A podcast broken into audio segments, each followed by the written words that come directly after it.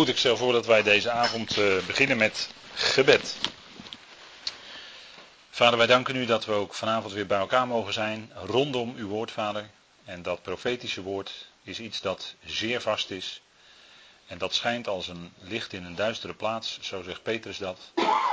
Vader, dank u wel dat we met elkaar hier verenigd dat woord willen bestuderen en kijken wat u te zeggen heeft.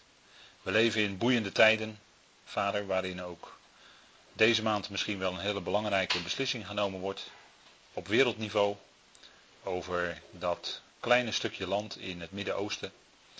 Vader, en als dat zo is, dan zitten we misschien wel heel dicht bij grote gebeurtenissen. Vader, we zien uit naar de terugkeer van uw zoon, die zo duidelijk voorzegd is in vele profetieën. En dank u wel, Vader, dat u ons niet in het onzekere heeft gelaten, maar u geeft ons uw woord. En dat is om te onderzoeken, Vader. Het is niet alleen een boek om te lezen, maar soms is het erg moeilijk en moeten we het onderzoeken, moeten we graven hoe het zit. En geeft u ons vanavond dan wijsheid en leiding door uw geest om te ontdekken wat u te zeggen heeft, ook door dit moeilijke hoofdstuk van Daniel 7. We danken u, Heer, voor ieder die gekomen is. En we bidden ook voor hen die er niet bij kunnen zijn. En dan beseffen we dat daar verdriet is en moeite. Vader, en ook daarin geeft u uw troost. En we mogen beseffen dat u troostvolle nabijheid geeft. Vader, we danken u dat we zo samen mogen zoeken naar dat wat u bedoelt.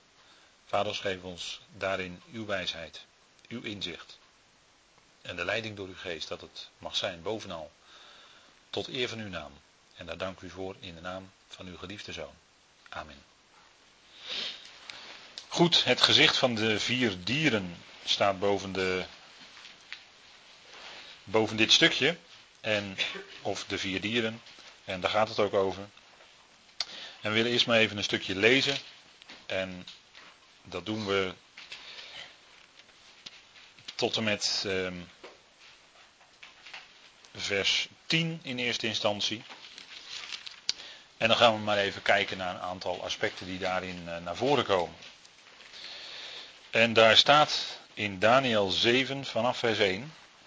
In het eerste jaar van Belshazzar, de koning van Babel, had Daniel op zijn bed een droom en kreeg hij visioenen voor ogen. Toen schreef hij de droom op. En de kern van de zaken omschreef hij als volgt. Daniel nam het woord en zei: S'nachts in mijn visioen keek ik toe.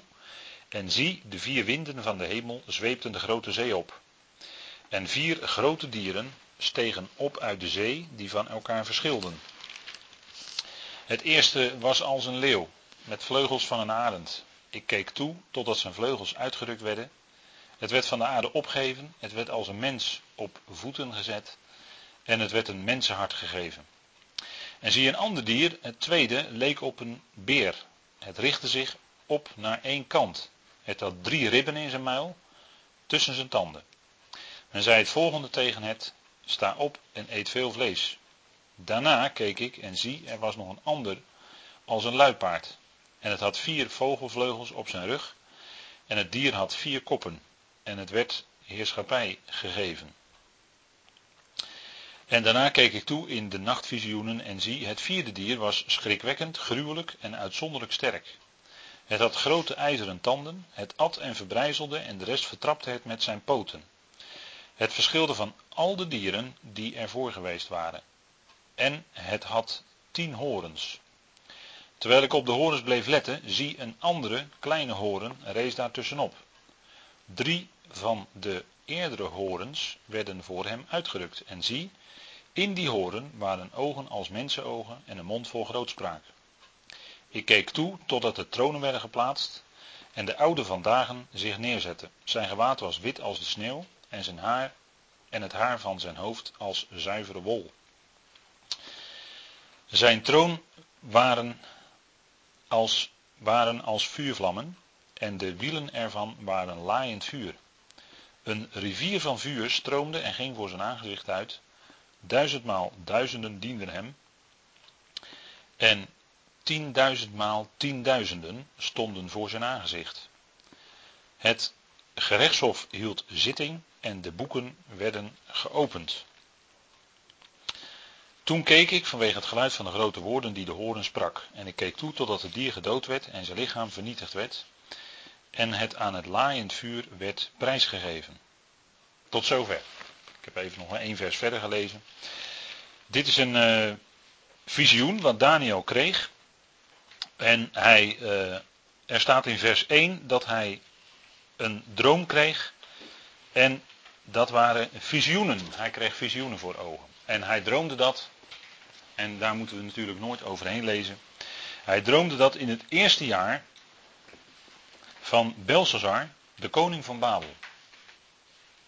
En als u uh, de profetie doorleest, dan zult u misschien opvallen, heel misschien, dat de chronologische volgorde in deze profetie eigenlijk niet gehandhaafd wordt. Want we hebben in vers, of hoofdstuk 6 gezien, vers 1, het hoofdstuk van Daniel in de leeuwenkuil.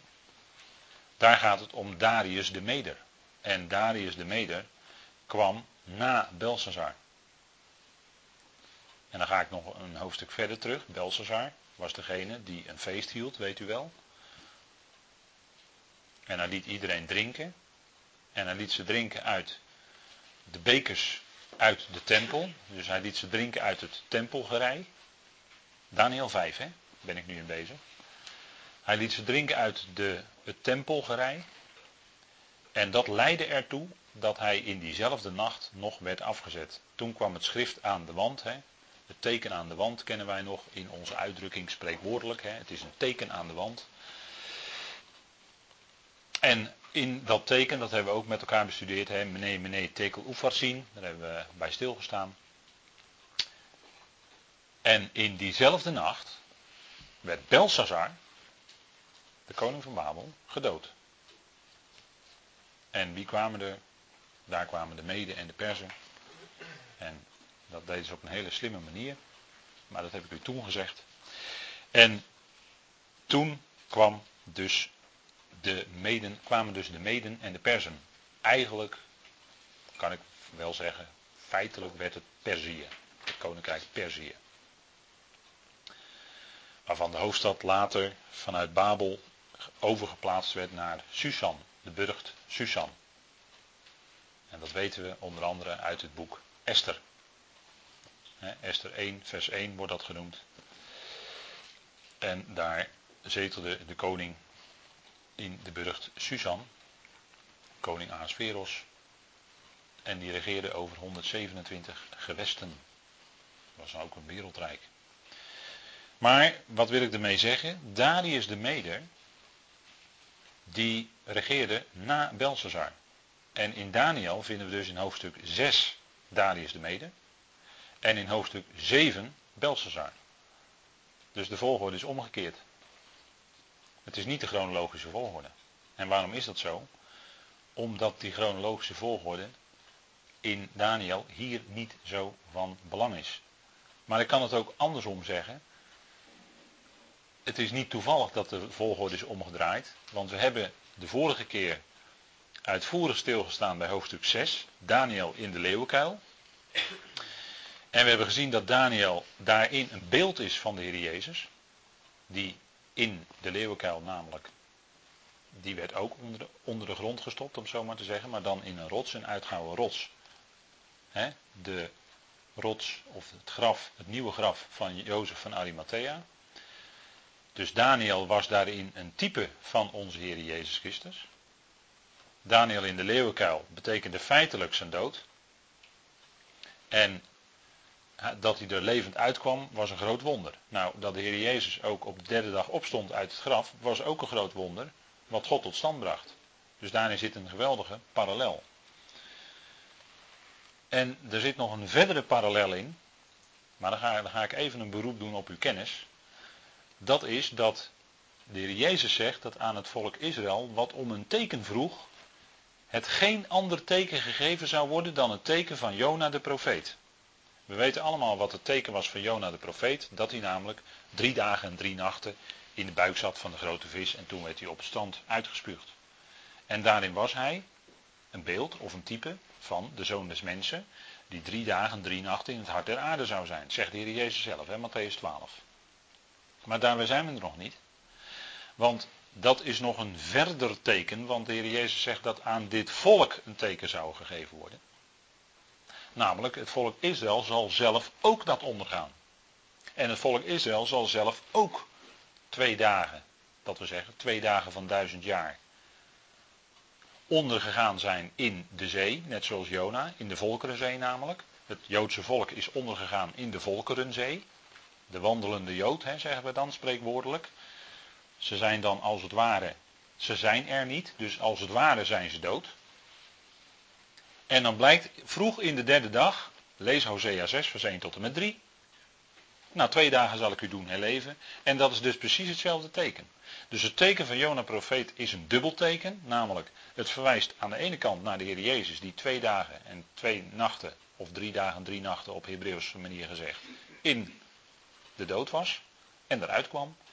En dat is weer een teken van het Joodse volk zelf, wat ook twee dagen in het graf is. En waarvan de profeet dan ook zegt, ik zal u uit uw graven doen opkomen. Hebben we ook in Ezekiel gelezen. En dat zegt Hosea ook. Dus dat teken. En dat is eigenlijk waar Daniel 6 in de diepste zin naar verwijst. En nu heb ik even heel snel, in vogelvlucht, een aantal lagen gegeven die dus in die profetie zitten. Want Daniels leven was daarin ook profetisch. En dat is ook vaak zo. Een profeet sprak niet alleen profetische woorden, maar wat de profeet zelf onderging, was vaak ook profetisch. Dus wat Jona onderging was profetisch. Want er wordt Jona de profeet genoemd en in heel het boek Jona vindt u geen profetie.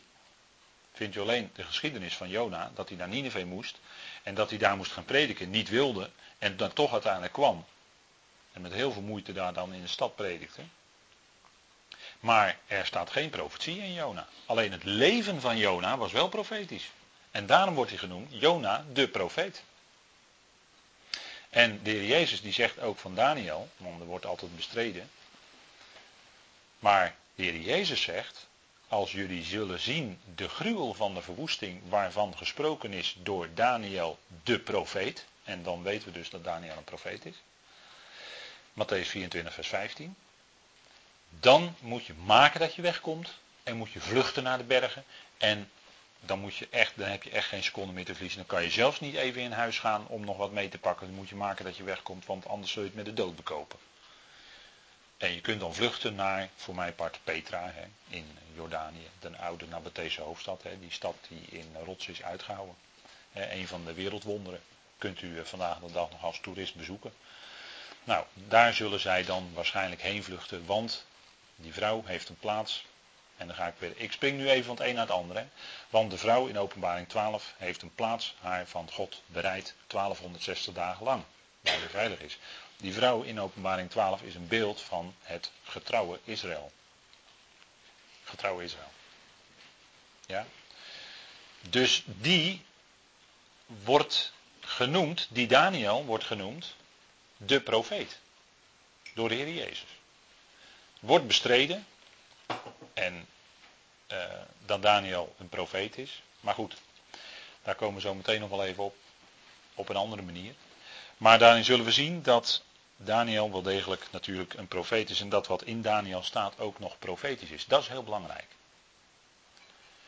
Uh, sommigen zeggen dat wat in Daniel gebeurd is allemaal al in het verleden gebeurd is. Dat is de zogenaamde historische school, die zegt dat. Die zegt dus dat de heel Daniel niet meer in de toekomst vervuld kan worden. Nee, het is allemaal al vervuld. Alleen in het Nieuwe Testament, dan vergeten ze het Nieuwe Testament te lezen, de historische school. Want wat ik net citeerde van de Heer Jezus, die maakte dus nog tot toekomst. En ik heb al eerder gewezen op Antiochus Epiphanes, maar die verdrukking duurde iets ruim drie jaar, maar geen drieënhalf jaar. En daarom is Antiochus Epiphanes vierde, wat hij deed, hè, dat was ook gruwelijk hoor. De tempel ontwijd en het was een gruwel voor de Joden wat hij allemaal uithaalde. Maar daarin werd Daniel dus niet vervuld. Want het duurde geen 3,5 jaar, maar het duurde iets ruim drie jaar. Dus dat is geen letterlijke vervulling van de profetie. Daarmee kun je dus niet tot het verleden plaatsen, maar dan is nog toekomst. Dat betekent dus dat Daniel 9, die 70 jaarweken, die we in de eerste keren al bij stil hebben gestaan, dat dat dus nog toekomst is. Die 70ste week van Daniel, die beruchte inmiddels 70ste week van Daniel, is nog toekomst. Dat is het punt. En Nu kom ik ook even terug waarom ik wat uitgebreider nog inging op Daniel 6. Dat is het verschijnsel dat er in heel veel profetieën, weten wij achteraf vanuit het Nieuwe Testament, een onderbreking zit. Een onderbreking zit. vandaar Darius, de koning van de Meden en de Perzen, en hoofdstuk 6 Even kijken, eindigt volgens mij ook met het woord pers. Ja, Kores, de Persiaan. Hoofdstuk 6 eindigt ook met het woord pers. En het woord pers in Hebreeuws is peres, dat betekent de breuk.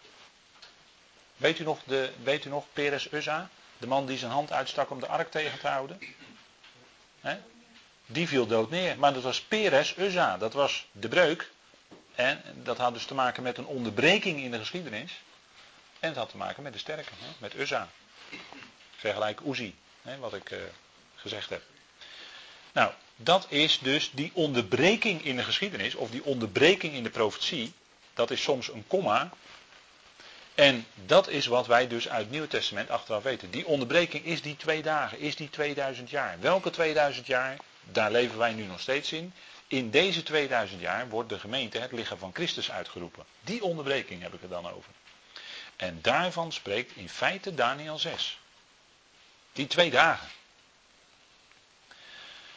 En één voorbeeld kan ik u zo geven, wat voor u heel bekend is, dat de Heer Jezus in de synagoge komt en dan leest hij voor uit Jezaja. En dan leest hij voor wat op dat moment aan de orde is, in de lezingen. En dan stopt hij, als hij gelezen heeft, u te verkondigen het wel aangename jaar des Heren. En hij, doet, hij rolt de boekrol in elkaar en hij gaat zitten en ze richten allemaal zijn ogen op hem, want wat gaat hij nu zeggen? Waarom is hij nu gestopt met lezen? Nou, hij stopte met lezen op het punt van dat in de profetie, Jezaja 61 is dat, dat de profetie verder gaat met en een dag der wraken van onze God. Maar hij stopte daar bewust, want daar zit een onderbreking. Het wel aangename jaar des Heren was aangebroken toen de Heer Jezus kwam. Maar die dag der wraken zou nog toekomst zijn, dat zou namelijk nog 2000 jaar duren. Die twee dagen uit Hosea 6 onder andere. En we vinden het die twee dagen, de derde dag, natuurlijk talloze keren in de schrift terug.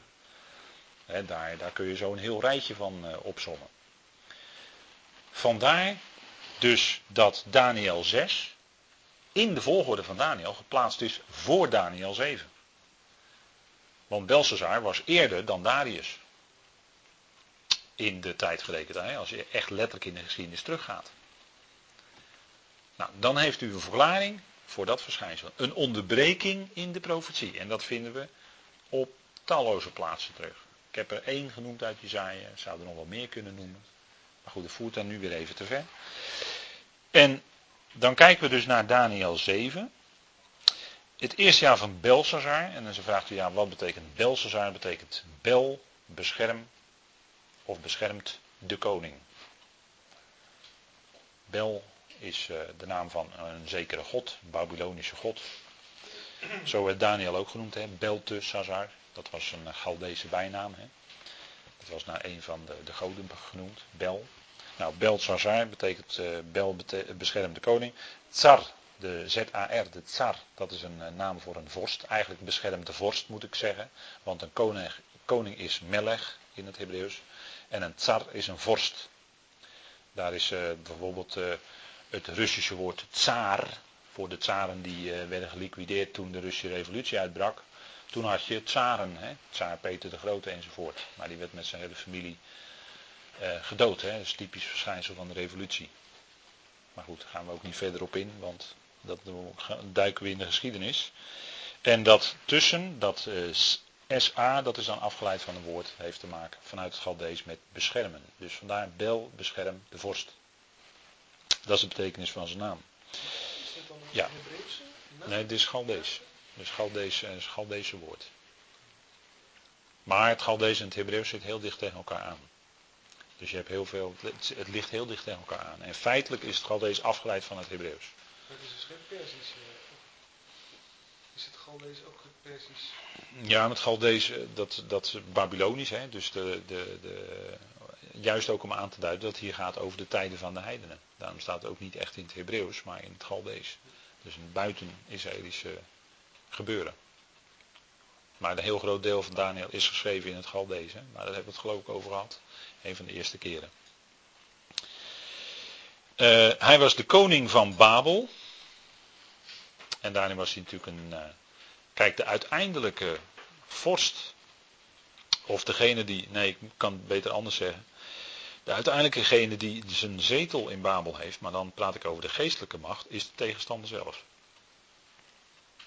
In Jeremia 50 wordt gezegd over Babel dat het het hart is of de zetel is van de tegenstander, van de tegenstand.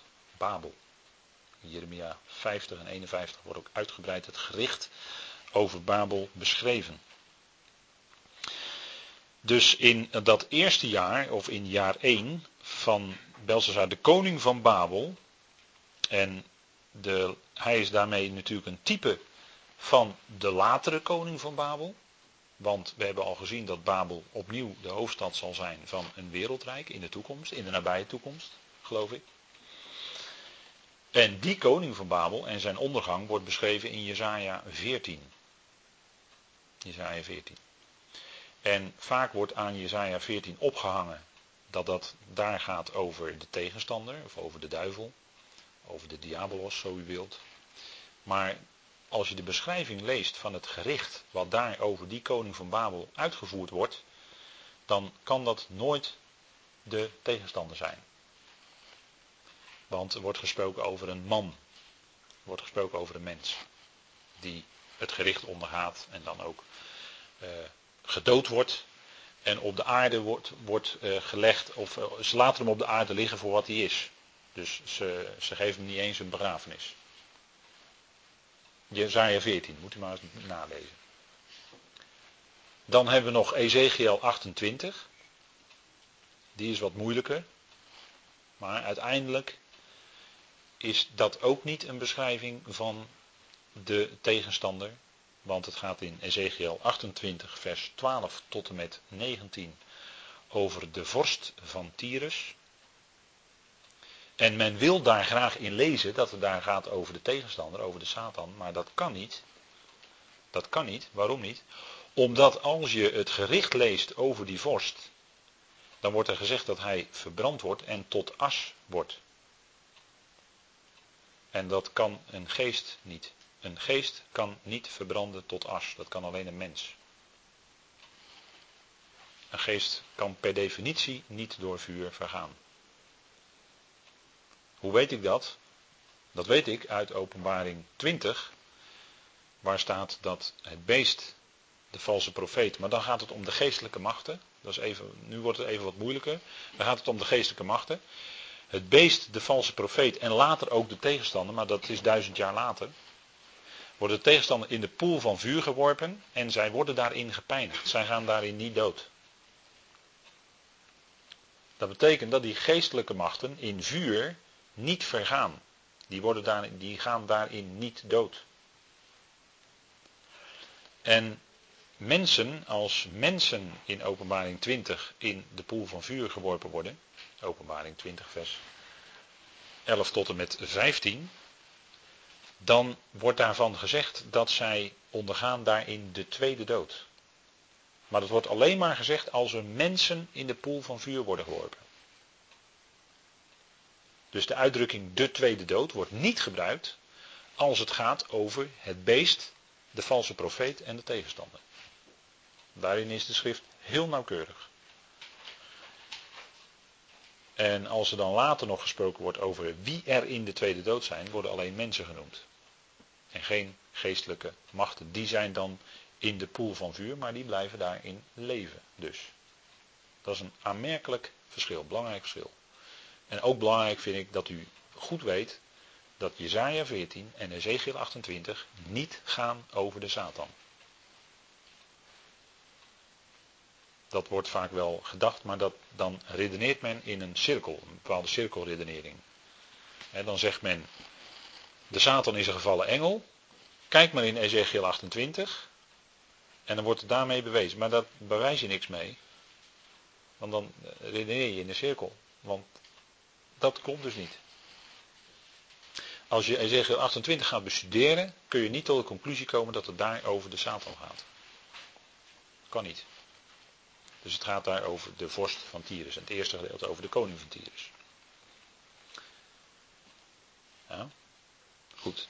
Nou, dat gezegd hebbend, um, gaan we even terug naar de beschrijving. Daniel 7, vers 1. De koning van Babel. En Babel is daar waar het hart van de tegenstander is. Dus waar die tegenstander eigenlijk zijn zetel heeft en waarvanuit hij ook zal regeren. En we hebben ook al gezien, en dat is ook goed om voor het verstaan van deze uh, profetie, dat we hebben het verschijnsel, en dat heb ik meen ik ook in een van de eerste keren gezegd, maar ik herhaal het maar even voor alle duidelijkheid. Het verschijnsel dat de profetie tweeledig is, of twee kanten heeft, namelijk een politieke kant, dan gaat het over de troon in openbaring, en een religieuze of godsdienstige kant, en dan gaat het over de tempel. En dat is ontzettend belangrijk om openbaring goed te kunnen begrijpen. Want het boek Openbaring eh, lijkt soms dezelfde dingen te behandelen, maar dat is niet waar. En dat geldt eigenlijk ook voor Daniel. Uh, het boek Openbaring gaat vanaf hoofdstuk 4 over het troongedeelte. En dat troongedeelte, dat duurt tot aan hoofdstuk 11, vers 15, waarin gezegd wordt dat de koninkrijken van deze wereld onderworpen zijn geworden, dan zeg ik het even met mijn eigen woorden, aan de koning der koningen en de heer der heren. En hij heeft zijn koningschap aanvaard, staat er dan, openbaring 11 vers 15. En nadat dat gezegd is, staat dat in de hemel een tempel werd geopend. En bij het woord tempel zit je dus in het punt van de aanbidding, van de godsdienst, van de religie. En dan begint het tempelgedeelte van openbaring. En dat duurt tot en met ja, eigenlijk de ondergang van Babel. Want Babel heeft, dat staat juist in het religieuze gedeelte van openbaring dus, om het zo maar te zeggen. Het tempelgedeelte, openbaring 14. En dan krijgen we openbaring 17, 18 en 19. Dat gaat allemaal over Babel. Maar dat is dus het, vooral het religieuze aspect. En dan zien we dus die verbinding tussen de troon en de tempel in de eindtijd. En we zien want het is de openbaring van Jezus Christus. En we zien de verlossing, namelijk door de koning en priester. Heb je dus weer die dubbele kant, hè? Koning, politieke heerschappij, regering, en priester, religieuze, eh, de religieuze kant, de godsdienstige kant. Koning en priester is hij niet naar de ordening van Aaron, maar naar de ordening van Melchizedek. En hij zal regeren als priester. Dus zeg ik het al, hè? hij zal regeren als priester, duizend jaar lang. Daarna is het priesterschap voorbij en dan gaat hij op de nieuwe aarde verder als alleen koning. Want er wordt niet meer gezegd dat hij dan ook priester is. En ik, ik, eh, ik specificeer het toch even, ik geef toch even die verfijningen aan. Om te laten zien dat er wel degelijk een hele duidelijke opbouw zit in de profetie. En ook een opbouw zit in het plan van God en waar het plan van God uiteindelijk naartoe werkt. Goed, dus je hebt twee kanten. Je hebt dus de politieke kant en je hebt de religieuze kant. En die, hè, in veel landen beroemt men zich nog op het punt van scheiding tussen kerk en staat, hè, zoals dat heet. Dus nou vertaal ik het gelijk even wat meer politiek. Scheiding tussen kerk en staat, maar in de eindtijd zal dat verdwijnen. En zal het een samensmelting zijn inderdaad van religie en politiek. Dat gaat dan eigenlijk hand in hand. En dat is eigenlijk ook, en nu kom ik bij Daniel 7, dat is eigenlijk ook wat in Daniel 7 aan de hand is. En Daniel 7 is heel erg moeilijk. Waarom? Omdat veel uitleggers denken dat Daniel 7 zo ongeveer hetzelfde zegt als Daniel 2. En daarin vergist men zich toch enigszins. Want in Daniel 2 daar hebben we gezien dat grote beeld. Hè, met het hoofd van goud, de borst van zilver. En dan krijg je het koper.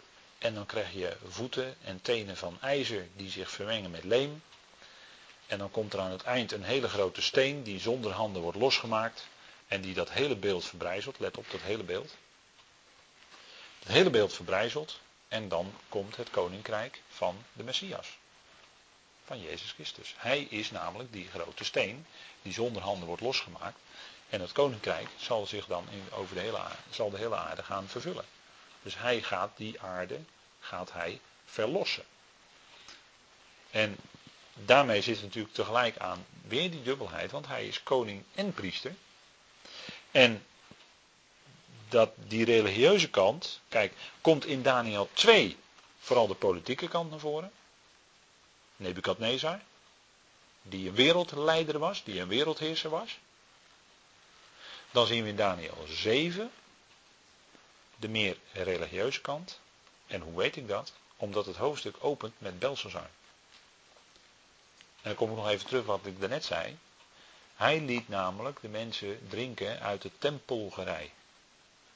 Terwijl, hij, terwijl het eigenlijk een feest was ter ere van de goden van Babel. Dus het was een enorme provocatie richting Yahweh, de God van Israël. Dat op zo'n afgodisch feest, om het zo maar te zeggen, gedronken werd uit het heilige gerei uit de tempel in Jeruzalem. En dan zitten we dus, en wie deed dat? Belshazzar. En daar zit je dus bij de religieuze kant van de zaak. Dat is al een sleuteltje om het hoofdstuk te openen. En zo zijn er nog wel meer aspecten die frappant zijn als je dus Daniel 2 legt naast Daniel 7. Maar goed, we gaan kijken. Hij kreeg dus visioenen. Hij had een droom en kreeg visioenen voor ogen. letterlijk staat er de visioenen van zijn hoofd. En toen schreef hij de droom op, de kern van de zaken omschreef hij als volgt. En Daniel nam het woord en zei: S'nachts in mijn visioen keek ik toe. En zie, de vier winden van de hemel zweepten de grote zee op. En de vier grote dieren stegen op uit de zee, die van elkaar verschilden. Daar moeten we natuurlijk ook even bij stilstaan, want ook dat is eh, natuurlijk een punt wat onze aandacht verdient. Wat gebeurt hier? Wat is dit? Wat heeft Daniel? Het is een visioen. En hij droomt. Ja, en dromen in de Bijbel hebben ook heel vaak te maken met deze tijd waarin we nu leven. Dat is de tijd van de verborgenheid. Maar dan zit ik dus weer in de brieven van Paulus. De tijd van de verborgenheid, de tijd van het geheimenis. Dromen in de Bijbel hebben vaak met deze tijd te maken. Zo ook hier Daniel. Maar we hebben er al een aantal met elkaar gezien. Hè? En dan zien we dus een, iets gebeuren wat dus, in, wat dus in onze tijden gebeurt. Het was ook s'nachts. S'nachts. Wij leven in de boze aion. Hè? Wij leven in de tegenwoordige boze eeuw, zegt Paulus. Galaten 1 vers 4. Daar leven wij nu in. Geestelijk gezien is het duisternis, is het nacht. Het is duisternis. God zwijgt. Mensen vragen zich vaak af, waar is God eigenlijk? Hij spreekt helemaal niet en hij doet niets. Althans, zo lijkt het. Voor veel mensen is dat ook duister. Nou, dat heeft natuurlijk te maken met deze tijd. Waarin de mensheid in geestelijke duisternis is. Dus hij zei, s'nachts in mijn visioen. Is nog steeds nacht. En het gaat hier om een periode waarin de nacht de diepste donkerheid zal bereiken. En dat is altijd vlak voor het ochtendgloren. Dan is de, de, de meest dikke duisternis van de nacht is vlak voor het ochtendgloren. Nou, daar zitten we ook hierin dan bij Daniel.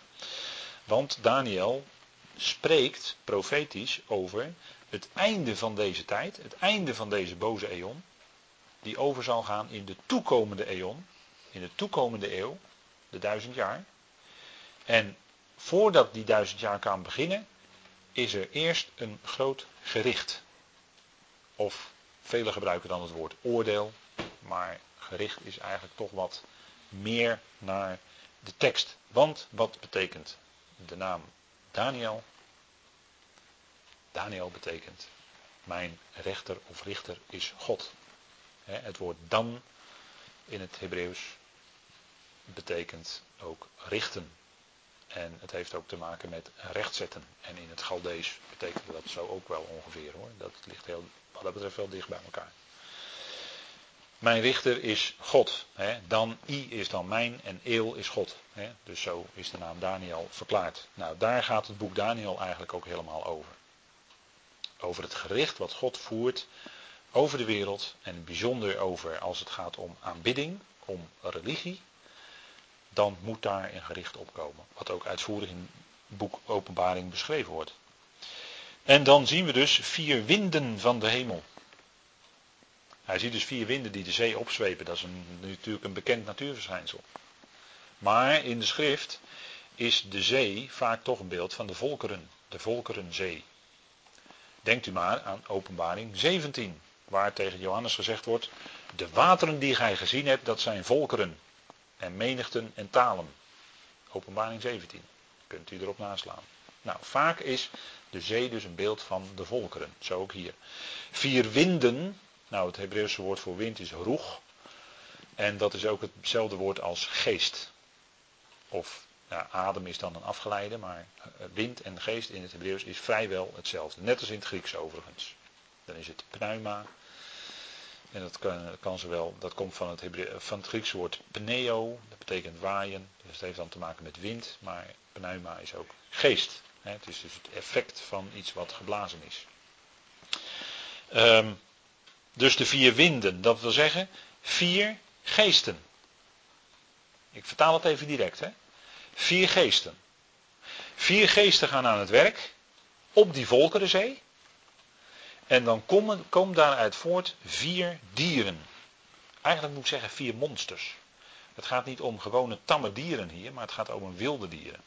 En dat is ook wat in Daniel, of in openbaring uiteindelijk uh, het laatste, het meest verschrikkelijk wordt genoemd, het wilde dier. En er wordt ook een woord in het Grieks gebruikt wat te maken heeft met een wild beest. En dat is ook iets typisch uh, wat ook met religiositeit te maken heeft. Want de meest fanatieke en de meest harde en verschrikkelijke slachtingen in oorlogen zijn aangericht als men aangezet was door religie. Denkt u maar aan de kruistochten. Denkt u maar aan, nou, ik kan allerlei, ik kan allerlei voorbeelden noemen. Maar daar zullen we niet, uh, vanavond niet te diep op ingaan. Ik denk dat het voor u allemaal wel genoegzaam bekend is. En dan staat er dus als gevolg van dat die vier geesten van de hemel de grote zee opzweepten, dat er vier grote dieren opstegen uit de zee, die van elkaar verschilden. En dan staat er het eerste en dan komen we gelijk alweer aan, weer aan een moeilijk probleem. Ik had het u al een beetje voorzegd. We lopen hier heel hard tegen de vertaling aan. Het woord eerste is een weergave van het woord kedem in het Hebreeuws. Dat is uh, kof, dalet, mem, kedem. En dat kun je inderdaad met eerste of eerdere vertalen. Maar dat kun je ook vertalen met oostelijk of ten oosten. Kedem is het oosten. En de relatie zit natuurlijk in dat in het oosten de zon opkomt. Dus het zonlicht is het eerste te zien in het oosten. Vandaar het verband met eerste, eerdere. Een Hebreeër schrijft ook van rechts naar links. Hè? Die schrijft eigenlijk van het oosten naar het westen. Ja. Wij schrijven allemaal van west naar oost. Maar het begint allemaal in het oosten hoor. Ook het goede. Wij zeggen van ja, al die rare vreemde godsdiensten komen uit het oosten. Nee, nee. Oorspronkelijk, als je heel ver terug gaat naar de oorsprong, komt het goede komt uit het oosten en gaat naar het westen. Nou, dus het eerste, maar je kunt heel goed hier ook vertalen oostelijke. Dan wordt het natuurlijk wel interessant, want dan gaat het ineens een hele andere, dan wordt het ineens heel anders. Hè?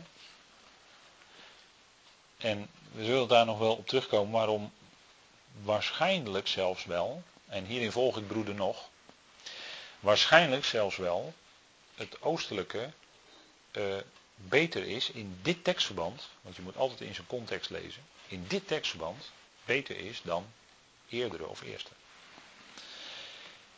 Nou, het eerste was een leeuw. Een leeuw. Met vleugels van een arend. En ik keek toe dat zijn vleugels uitgerukt werden en het werd van de aarde opgegeven en het werd een mens op zijn voeten gezet en het werd een mensenhart gegeven. En dan komt er een ander dier, het tweede.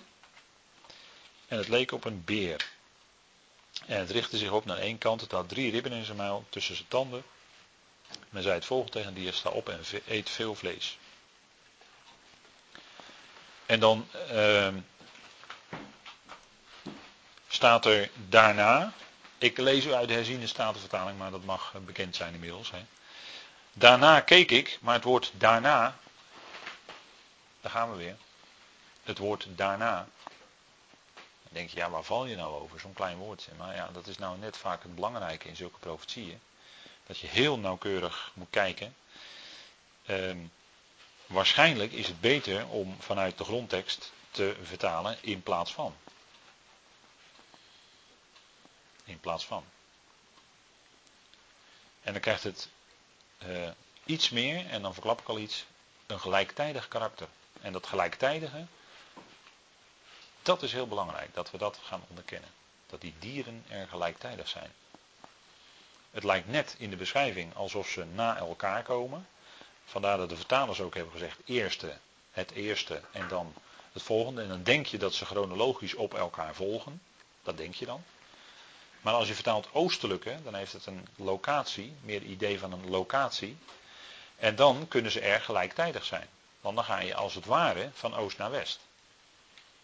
En dan betreft, betreft het ook de hele wereld, hè? het wereldrijk. Hè, dit is iets wat de hele wereld omvattend zal zijn. Het beest zal zo sterk worden, staat in openbaring uh, eh, 13, maar daar zullen we nog wel even op komen. Het beest zal zo sterk worden dat men zich afvraagt wie kan er oorlog, wie kan er oorlog tegen voeren. Zo sterk zal dat beest worden. Dat grote wilde beest, dat meest verschrikkelijke, wat alles vertrapt en vermorzelt en verbrijzelt en aan stukken slaat enzovoort met zijn poten. Wie kan er oorlog tegen voeren? Nou, dat blijkt dat niemand, dat is eigenlijk al de vraag stellen is een beantwoorden. Hè? Dan een retorische vraag. Uh, niemand zal dat kunnen. Maar goed, daarna of in plaats van. En zie, er was een ander dier als een luipaard. En het had vier vogelvleugels op zijn rug en het had vier koppen. En hem werd heerschappij gegeven.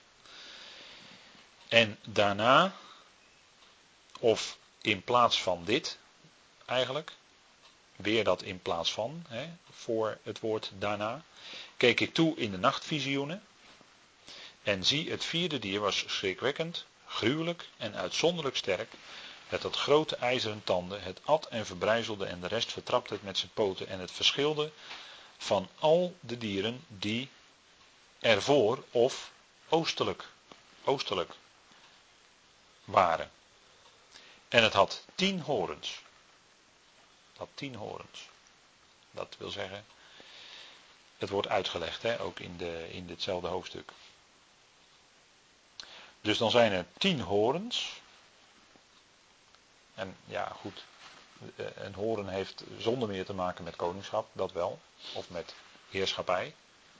Maar het hoeft ook nog niet eens per se politieke heerschappij te zijn. Het kan ook religieuze heerschappij zijn. Want als u denkt aan de huidige paus in Rome, die heeft religieuze heerschappij over heel veel rooms-katholieke mensen over de hele wereld. Een religieuze heerschappij. Als hij een, uit, een decreet uitvaardigt van Um,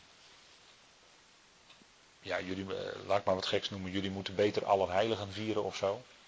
Dan geldt dat gelijk voor miljoenen Rooms-Katholieke gelovigen over de hele wereld. Daarmee heeft hij een stukje religieuze heerschappij, maar nog, nog niet direct politieke. En dat Vaticaanstad een apart politiek iets is en dat het tentakels heeft, goed, dat is allemaal waar, maar we praten nu alleen even over de religieuze kant van de zaak.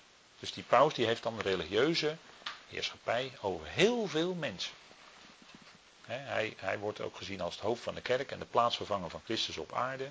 En ze zeggen ook papa tegen hem enzovoort. allemaal, dus allemaal wat dus gebeurt. En dat is een stukje heerschappij. Nou, dus heerschappij hoeft niet per se politiek te zijn. En terwijl ik, en dan, zegt, eh, dan ziet Daniel dus tussen die horens, ziet hij een kleine horen. Maar ook daarin worden we eigenlijk weer een beetje door de vertaling, ja. Eigenlijk staat er een beetje horen, dus een, dus een ja. een beetje hoorn, zeg maar. In het Engels een bit of a horn, zeg maar. Om het, hè, als u het Engels even kunt volgen. De bit of a horn, die kwam daartussenop. En drie van de eerdere, en dan zeg ik, hier kun je ook heel goed oostelijke vertalen, werden voor hem uitgerukt en zie, in die horen waren ogen als mensenogen en een mond vol grootspraak. Dus toen werd het een mens. Dus dan krijgt het een mond. En hem werd een mond gegeven.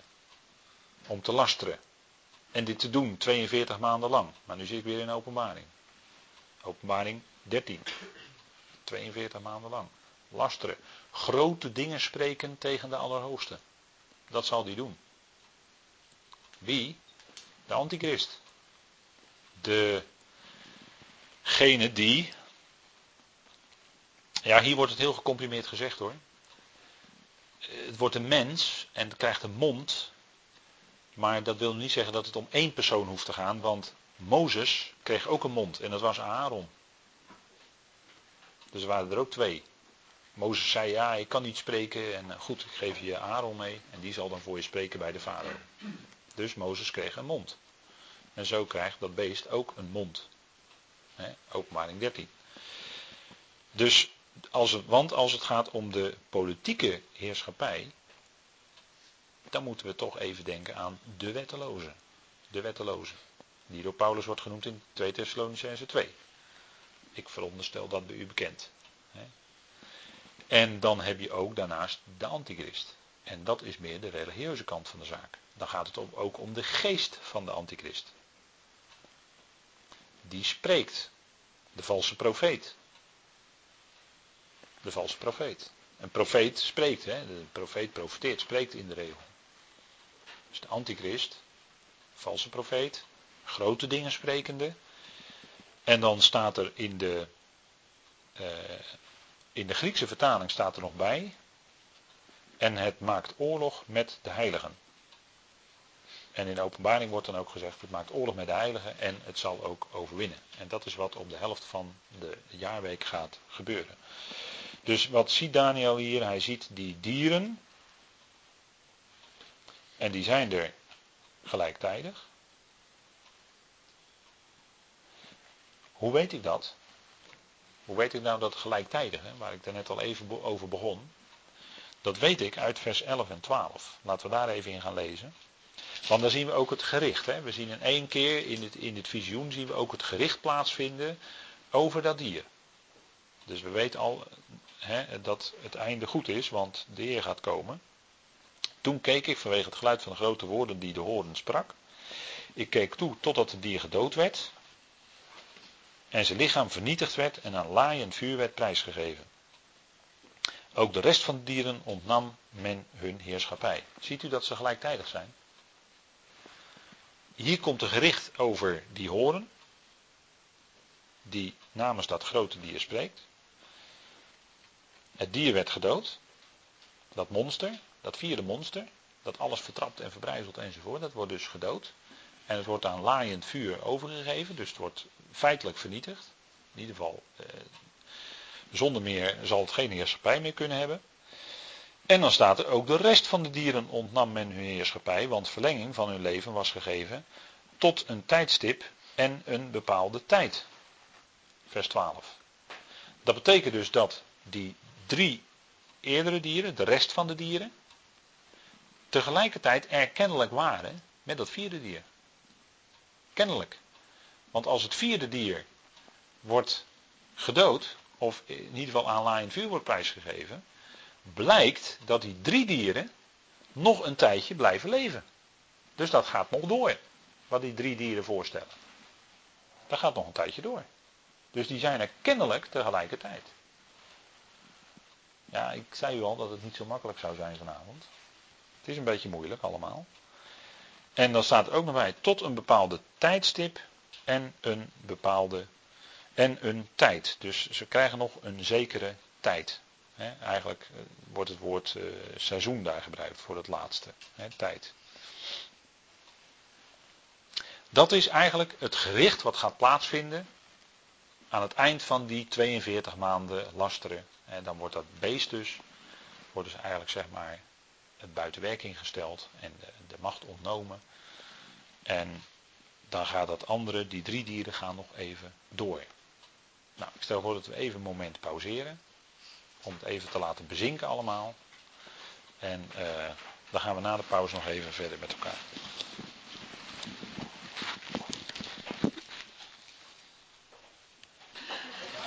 En wij waren gebleven in uh, Daniel 7. En uh, we hebben daar misschien met elkaar wel wat verder over doorgesproken. En ik kreeg nog een, uh, inderdaad een tekst aangereikt dat wat nog bevestigt inderdaad het gelijktijdige karakter van deze dieren. Dat is namelijk Daniel 7 vers 3.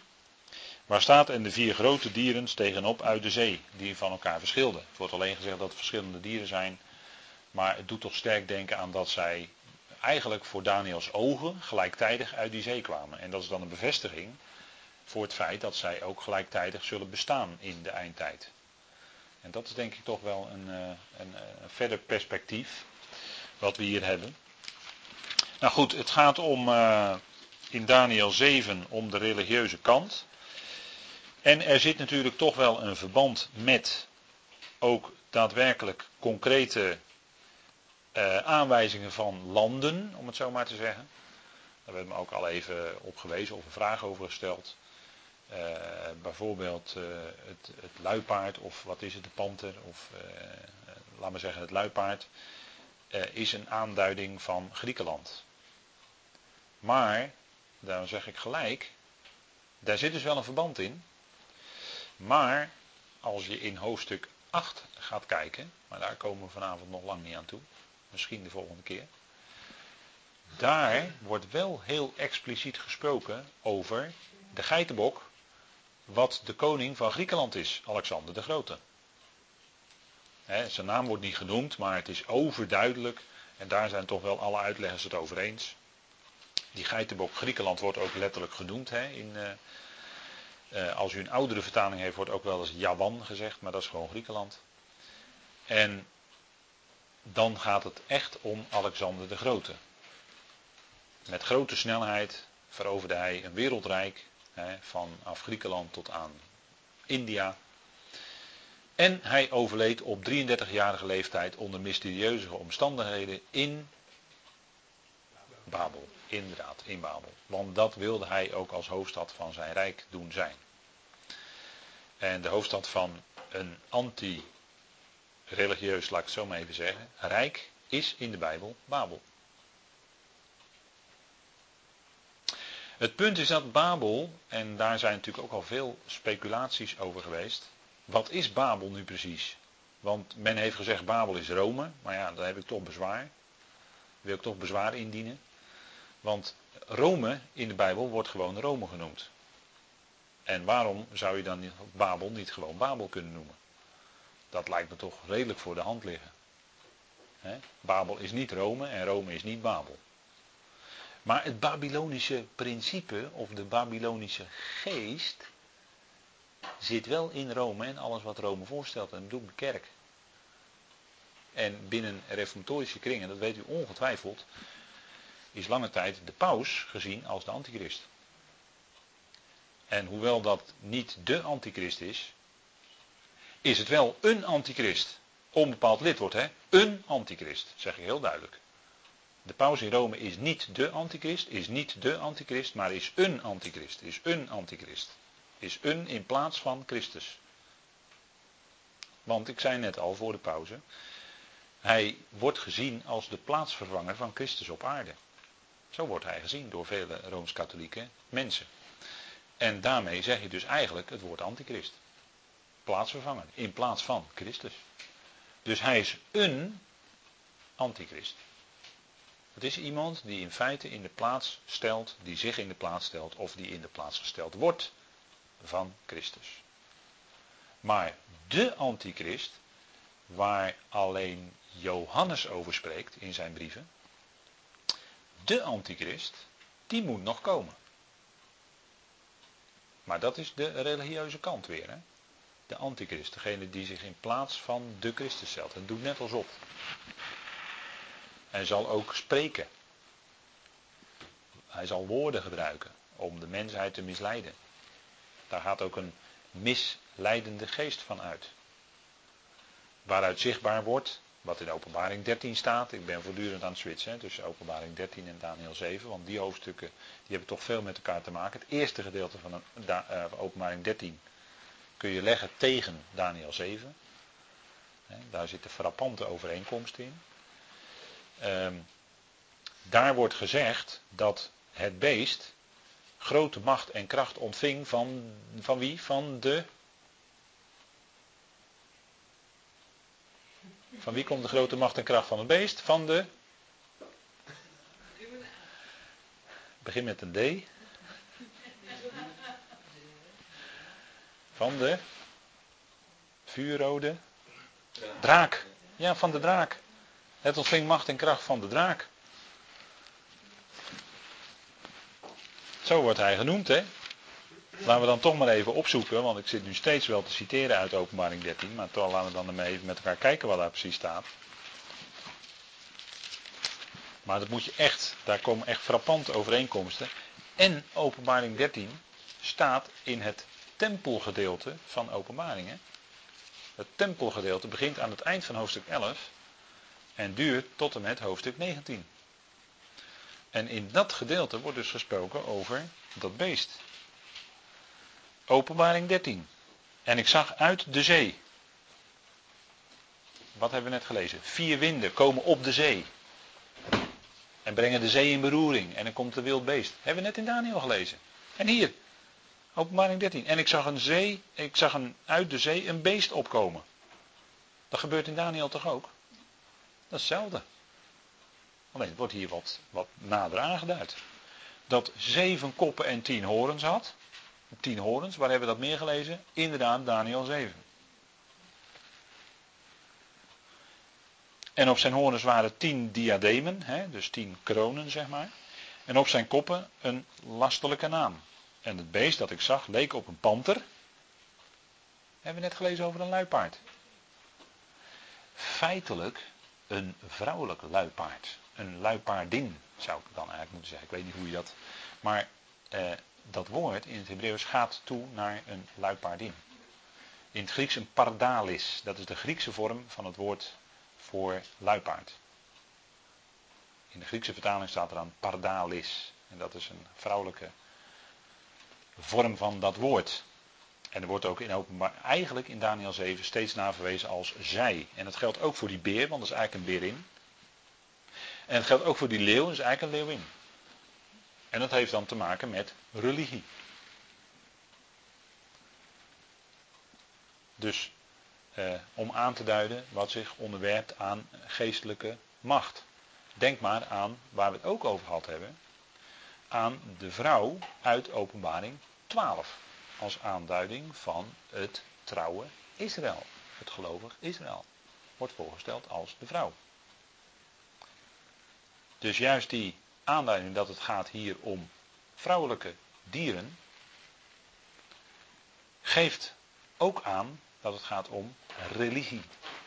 Dat is misschien voor ons wel even flink wennen om dat te verstaan, dat te gaan begrijpen. Maar die lijnen liggen toch duidelijk in de schrift, zijn toch duidelijk in de schrift aanwezig. En als het gaat om het ontrouwe Israël, wordt het ook gesproken over een vrouw. Die zit op dat beest in openbaring 17. Op, op haar voorhoofd staat de naam verborgenheid. En er staat ook de naam Babel. Eerst wordt er gezegd verborgenheid en vervolgens wordt er gezegd Babel. Want het, daar kom ik dan zo op, want dat wil ik eigenlijk ook in verband met Rome gaan zeggen. Maar het beest dat ik zag en leek op een panter, en zijn poten waren als die van een beer, en zijn muil was als de muil van een leeuw. En de draak gaf hem zijn kracht, zijn troon en grote macht. Ziet u het? En de draak gaf hem zijn kracht en zijn troon en grote macht. Maar het beest, dat leek op een panter. Daar moet u ook op letten. En de panter is de aanduiding voor Griekenland. Nu komen we langzamerhand een stapje verder. Want in Griekenland was eigenlijk de laatste koning die in Babel de residentie had, was Alexander de Grote. Maar die kwam uit Griekenland. En van Griekenland wordt in Daniel 8 gezegd dat in zijn plaats, en er wordt er verwezen naar die oude Griekse koning, waar, waar, waarna er vier opkomen, dat waren die vier generaals, weet u wel. Seleucus enzovoort. Hè? Die vier generaals, die vier Griekse generaals. Ptolemeus. Seleucus, Ptolemeus. Nee? Dan moet u de geschiedenis er maar eens een beetje op nalezen. Wikipedia, geschiedenis van Griekenland. En u vindt dat zo terug. Die vier generaals, of vier generaals gewoon. Even googelen, vier generaals. Alexander de Grote en je komt er zo achter. Nou, er waren vier generaals die onderling kregen natuurlijk bonje. Zo gaat dat hè. Als één sterke leider wegvalt, dan komen vier voor in de plaats. Vier kapiteins op een schip, dat gaat echt niet lukken. Gaat echt niet. Twee al niet, hè, maar vier gaat ook helemaal niet lukken. Die krijgen onderling bonje. Dus dan krijg je de oorlog de Ptolemee, eh, met de Ptolemee, hè, de oorlog tussen het noorden en het zuiden. Maar nu zit ik eigenlijk alweer in Daniel 11. En die vier Griekse generaals. En dan staat er uiteindelijk in Daniel 8 dat er na een tijd, en er wordt er gedoeld op de tijd van het einde, die kleine horen, zeg maar, ik gebruik toch even het woord kleine, die kleine horen opkomt die groot zal worden. En het wordt gezegd in de trant van het Griekse Rijk. Met andere woorden, een gebied wat toen de tijd door het Griekse wereldrijk beslagen werd, in dat gebied gaan grote dingen zich afspelen. En in dat gebied hebben ook deze tien horens, gaan deze tien horens hun rol spelen. En wat voor gebied heb ik het dan over? Nou, dat is gewoon simpelweg het Midden-Oosten. Alexander zijn rijk reikte tot India, vanaf Griekenland. Nou, dat gebied moet u dan aan denken. Dat in de eindtijd, dus in dat hele gebied, daar ligt Israël dus middenin. Dat zijn dus de Arabische landen enzovoort en daaromheen. In dat gebied, waar ook één bepaalde religie een hele belangrijke rol speelt, gaan deze dingen zich afspelen in de eindtijd. En dan zit je dus eigenlijk gewoon midden in het Midden-Oosten. En kijk, die tien koningen, die tien horens. U weet natuurlijk dat daar ontzettend veel over is afgedacht en boeken over geschreven en noem maar op. En dan is altijd gezegd, ja dat is Europa, want het wordt een hersteld Romeins Rijk. Nee, nee, nee, nee, nee. nee, nee. Geen aanleiding voor in de profetie hoor. Niet een hersteld Rome. Nee, het is in feite Babel. En dus het gebied vanuit het oude, wat ooit door het oude Griekenland werd beslagen. Want daar eindigt in feite een stuk profetie, ook met die vier generaals. En dan gaat later, dan wordt een enorme stap gedaan in de tijd. En dan gaat later dus die geschiedenis verder in de eindtijd. En dan zitten we dus midden in dat gebied. En dan komt ook die kleine horen. Dus die kleine horen die grote dingen gaat spreken. Die met slinkste streken aan de macht zal komen. Die, waar je eerst niet op let. Die eerst geruisloos is. Maar wel achter de schermen grote invloed heeft. Die zal op een gegeven moment naar voren komen. En die zal op een gegeven moment ook de macht gegeven worden. En in die tijd zul je dan ineens een verbond hebben. Een tien statenbond. Dus ergens daar in dat Midden-Oosten die dan voor korte tijd onder leiding zal komen van die kleine horen. En daar kan ik gelijk bij zeggen, de wetteloze. En die zal dan leiding geven aan dat beest, wat er dan is. Dat is dat grote wilde beest. Maar wat een hele zware kenmerk heeft van religie. Dus de godsdienstige kant. En dan gaat het zich keren tegen de aanbidding van God. En daar hebben dus die vier winden of die vier geesten die op die zee gaan werken. En dan komt dat allemaal in beroering en dan komt dat wilde dier dus tot stand. En dat zal zich enorme haat gaan openbaren tegen het volk van God, Israël dus. En tegen de aanbidding van de enige ware God, Yahweh. Daar is de enorme haat. En dat komt natuurlijk allemaal vandaan bij de, waar komt het vandaan? Bij de draak vandaan. Want die vier geesten zorgen ervoor dat er één wild dier komt, dus die gaan zich verenigen. En dat wordt dat vuur. En dat wordt aangezet door die vuurrode draak. En dat wordt dan ook in openbaring 17 een schaanlaken rood beest.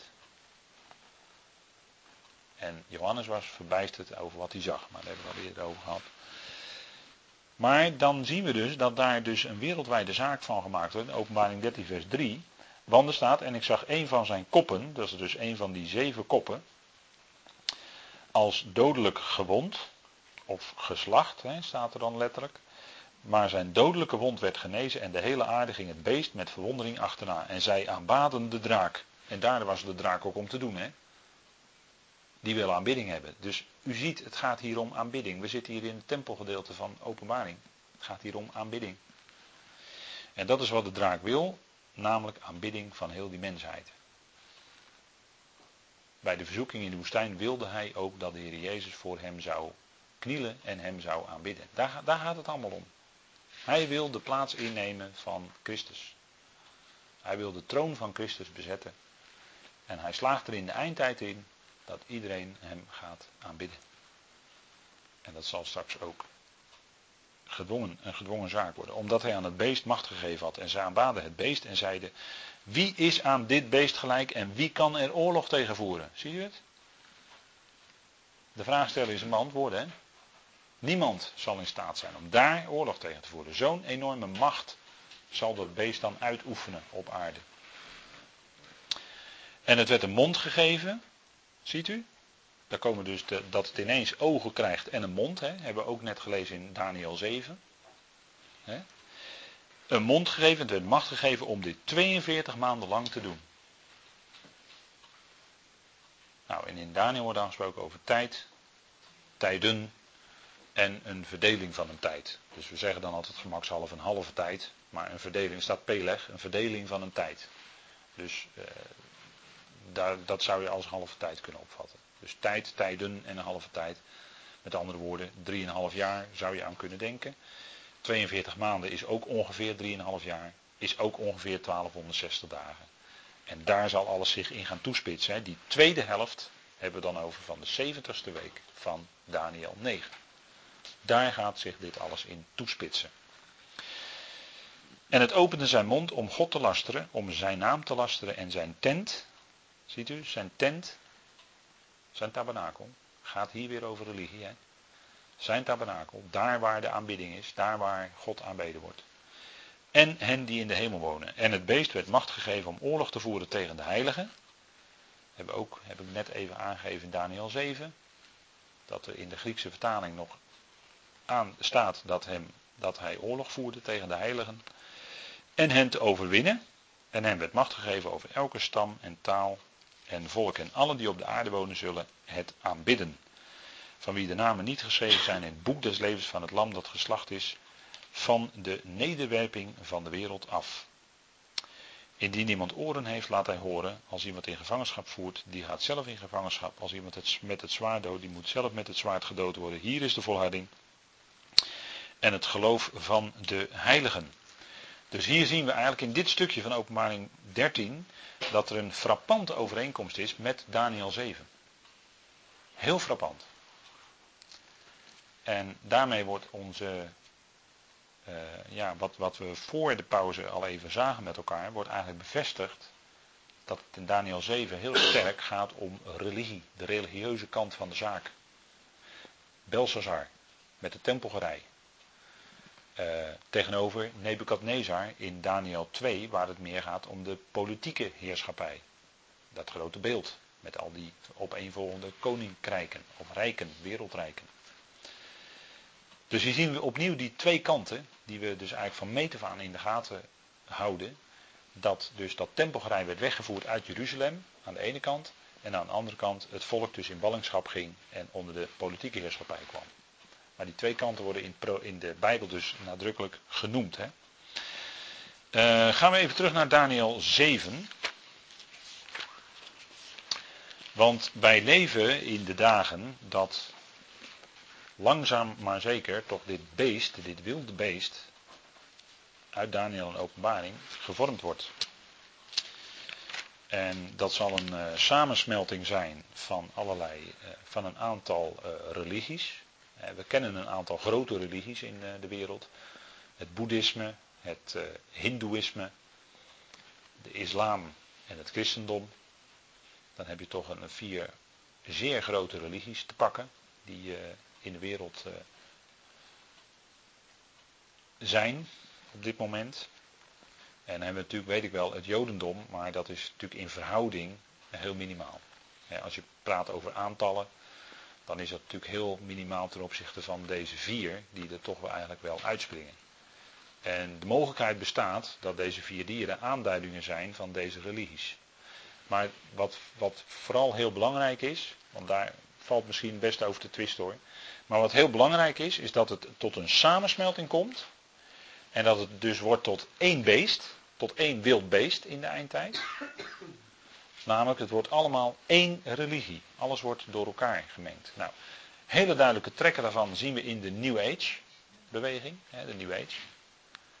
Waarvan bijvoorbeeld iemand als de Maitreya, maar voor wat hij waard is. Ik bedoel, dat is een figuur die al lange tijd af en toe naar voren komt. Maar goed, wie dat precies is, ik weet het niet. Misschien een soort valse profeet zou het kunnen zijn.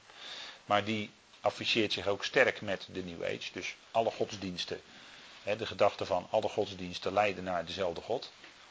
Nou, dat is dus uh, helemaal eigenlijk de tactiek van de tegenstander om alles met elkaar te vermengen. En het tot één om te smelten. En dan onder leiding van één Messias-figuur te laten komen. En, en die Messias-figuur, nou, die wordt op, op de juiste tijd natuurlijk wel naar voren geschoven. die komt vanzelf wel naar voren. Dat is, uh, daar hoeven we ons echt geen zorgen over te maken. Dat gaat echt wel gebeuren allemaal. Wanneer dat is, misschien dat we iets van kunnen herkennen als gelovigen. Dat zou misschien kunnen. Dat we, maar dan is hij misschien nog een beetje achter de coulissen. En de wettelozen, die zouden misschien ook wel kunnen herkennen. Maar die is ook nog achter de coulissen. Maar het is mijn stellige overtuiging dat deze figuren zich wel ergens op deze wereld zich nu ophouden. En wachten op het moment dat zij hun opwachting kunnen maken op het wereldtoneel. Maar goed, dat is. Uh... En de vorming, kijk, de, er is natuurlijk steeds meer uh, roep. Eigenlijk al vele tientallen jaren worden ook enorme inspanningen, enorm geld ook op ingezet. Om dus te komen tot de samensmelting van alle religies. En om zo tot, te komen tot één grote wereldreligie van de eindtijd. En we zien het ook in openbaring 13.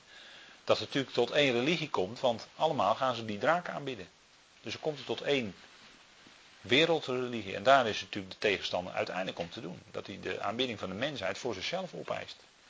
In plaats van degene aan wie het rechtens toekomt, onze Heer. onze Heer Jezus Christus. Die komt het rechtens toe. Maar hij wil graag die plek innemen. Nou, goed, gaan we even terug naar Daniel 7. Want ik heb u ook gezegd van, wacht eens even, wie is nu eigenlijk die oude vandaag in dit hoofdstuk?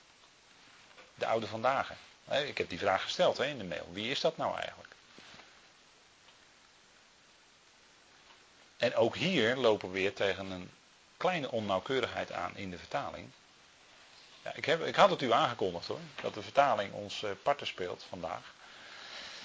Maar het woord waar dit oude van afgeleid is, uh, ja, het, het, het, is wel te begrijpen dat men dat gedaan heeft, maar als je heel stik gaat kijken, en dan haal ik dus weer even broeder nog naar voren. Als je dus heel stik gaat kijken, en vanuit het Galdese woord, dan doet dat denken aan een overzetter. Iemand die dus iets overzet van de ene, van het een naar het andere. Of iemand die ergens iets weghaalt en het op een andere plaats brengt. Dus in het Engels een remover. Dus iemand die zorgt dat de dingen eh, voortbewegen. Het, het, Engels gebruikt daarvoor het begrip transferer. Nou, daar zit ons woord transfer in. Nou, wat gebeurt er bij een transfer? Hè? Er zijn eh, gisteren op de laatste dag van de transferperiode 53 spelers nog van club verwisseld. Las ik vandaag tot mijn verbazing. Maar allerlei clubs die hadden nog gauw even ingekocht. Nou, 53 transfers. Dus dan gaat de voetballer van de ene club naar de andere. Dus die wordt overgezet van de ene club naar de andere. Er is natuurlijk heel veel geld mee, mee gemoeid. Maar dat worden transfers genoemd. Nou, dat woord wordt in het Engels gebruikt als vertaling van dit woord. Dus een, het is een overzetting. Het bewegen van het ene naar de andere plaats.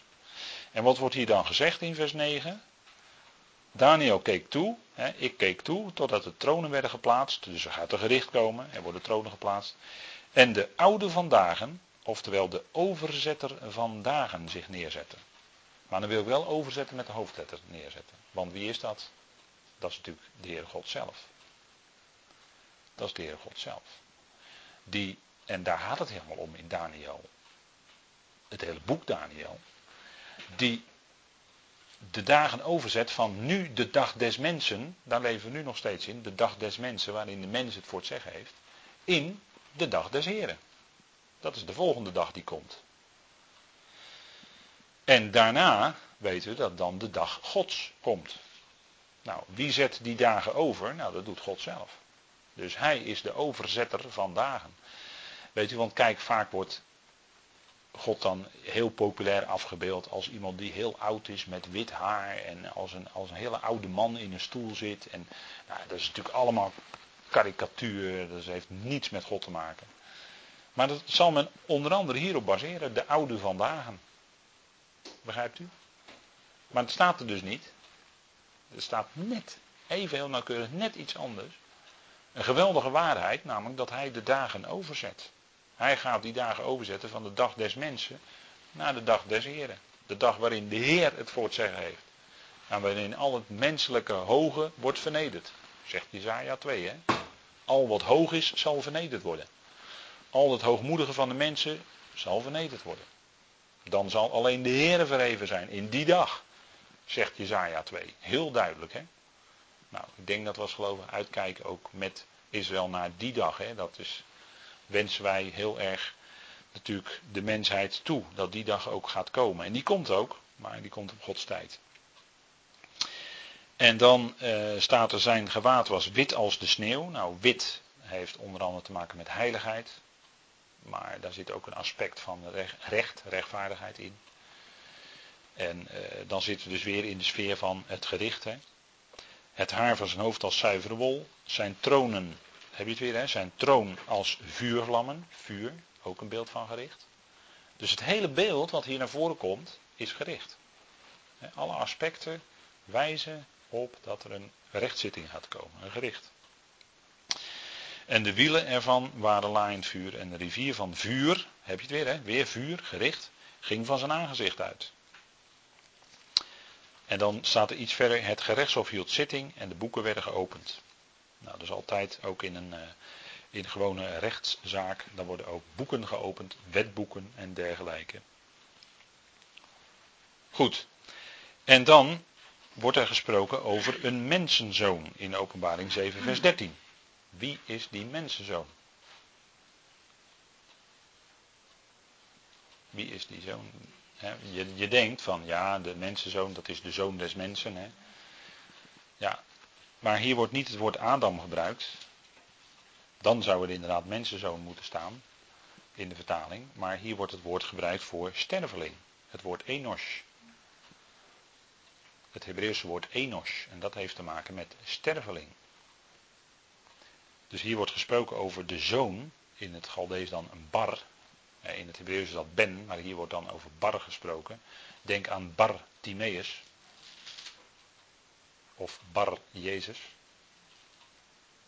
Bar Abbas. Dat is allemaal zoon, hè? zoon van de vader, Bar Abbas bijvoorbeeld.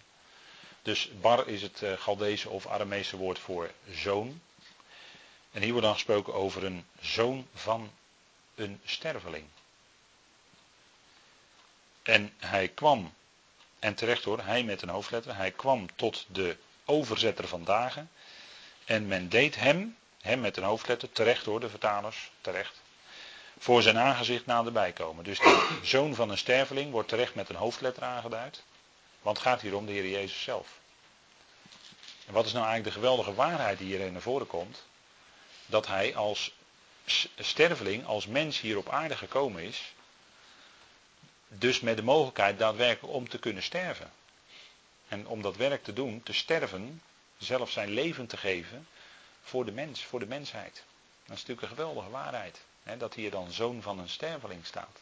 Voor de, als aanduiding voor de Heer Jezus. En dat hij zijn leven heeft gegeven voor de mensen, voor de mensheid. Hè, tot redding van die mensheid. Nou, dat is natuurlijk geweldig.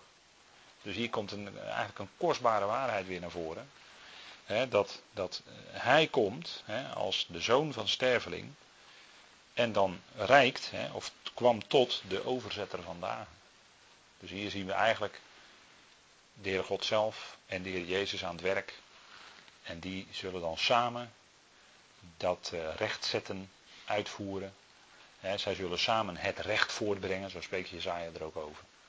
En dat zal ook in de komende tijd van het koninkrijk gaan gebeuren. Zij zullen het recht voortbrengen en er zal recht gedaan worden, gerechtigheid. Het zal een kenmerk zijn van het komende rijk. Nou, dat is natuurlijk geweldig. Dat gaat hij doen. En dat is niet zomaar geweest, nee, hij heeft zich eerst vernederd. Hij is eerst mens geworden. Stervend. Sterveling. Mogelijkheid om te sterven, inderdaad. En zo uh, zijn leven te geven, inderdaad, als uh, losprijs voor velen. Of zoals Paulus het zegt, hè, tot een losgeld voor allen. Hè, de losprijs voor allen. Hè, overeenkomstig losgeld. Nou, dat is natuurlijk een geweldige zaak hè, dat hij dat heeft gedaan. Dus die mensenzoon in de vertaling is eigenlijk de zoon van een sterveling. Maar wel degelijk, en dat, uh, ja, dat is eigenlijk wel duidelijk. Was al wel duidelijk voor ons. Wel degelijk aanduiding van de Heer.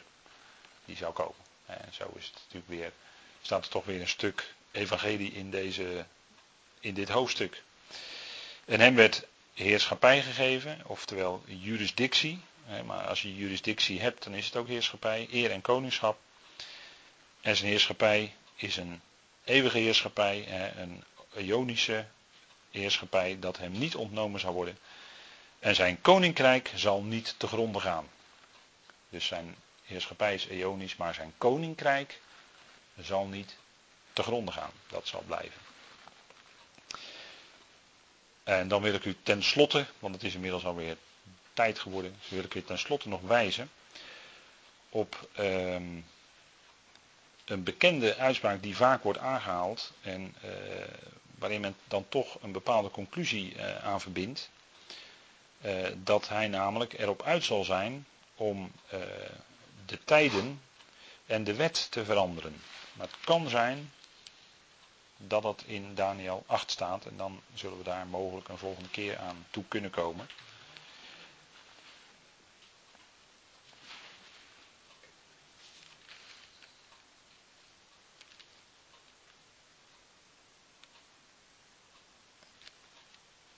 Even kijken hoor. Als het, ja, het, zou, het zou zo kunnen zijn dat het in Daniel 8 staat. Dan kom ik daar de volgende keer op terug. 7 vers 25 toch? Oh ja, zie, daar had ik het toch. Uh, ja, ja, bedankt. Um, dan staat natuurlijk in de uitleg van die, uh, dat eerste gedeelte. Dat uh, die, ja, die horen, hè, wat heel minimaal begint, dat die groot zal worden. En dan staat er, hij zal erop uit zijn. Drie koningen zal hij vernederen. Dus het is feitelijk die elfde. Er zijn tien horens en dan komt er een elfde. En die zal er drie vernederen. En uiteindelijk zien we in de openbaring dat de rest ook achter hem aangaat. Er staat er woorden tegen de Allerhoogste zal hij spreken. De heiligen van de ja, hoge plaatsen eigenlijk, hoge, meervoud, zal hij te gronden richten. En hij zal erop uit zijn tijden en wet te veranderen. Tijden en de wet te veranderen. Nou, die vertaling de wet is hier weer wat ongelukkig helaas. Want dat doet ons denken aan de Joodse Torah. Maar het woord Torah staat hier niet. Er staat hier een woord dat heeft te maken met een, uh, ja, een decreet of een edict. Dus iets, wel iets wat uitgevaardigd is, iets wat vastgelegd is. Maar het is niet de Joodse Torah. Het, hij zal juist dat ogenschijnlijk ogenschijnlijk, in de eerste 3,5 jaar zou hij dat ogenschijnlijk respecteren. Joodse Torah zal hij helemaal niks, uh, zal hij helemaal niet willen veranderen. Dan weet hij natuurlijk dat uh, dat hele Joodse volk en een heel groot deel van de wereld, uh, of een deel van de wereld daartegen in zal komen. Maar er staat een edict. En misschien heeft dat wel te maken met dat er wel iets geregeld is voor het Joodse volk in de eerste 3,5 jaar. Namelijk dat zij hun, wat zij doen, hun aanbidding of bij de klaagmuur of wat dan ook maar.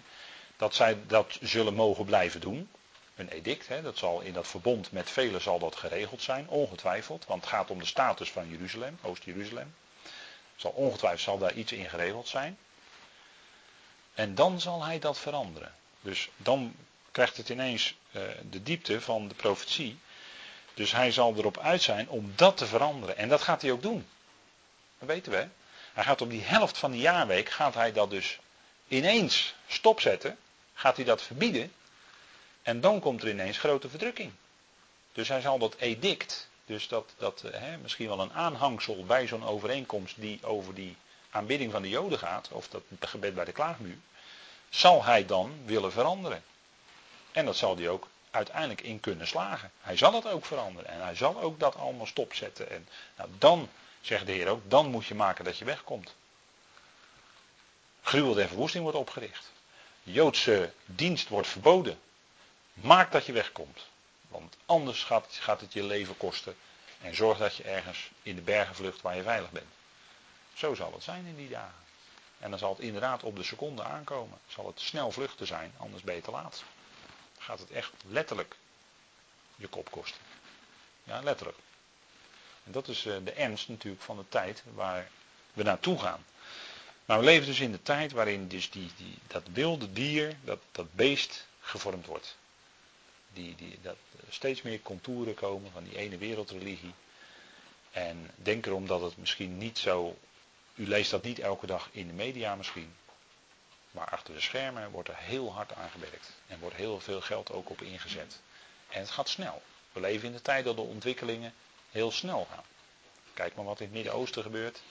Regimes die in korte tijd uh, veranderen. Nadat ze misschien 25, 30 jaar dezelfde dictator hebben gekend is in de tijd van een half jaar is dat compleet veranderd allemaal. Dus het gaat ongelooflijk snel. En ik denk dat we ons dat best bewust zijn. En daarom is het ook goed om deze bladzijde van de profetie te bestuderen. Nou, ik denk dat we het hierbij moeten laten voor vanavond, gezien de tijd. U wil ook weer naar huis natuurlijk.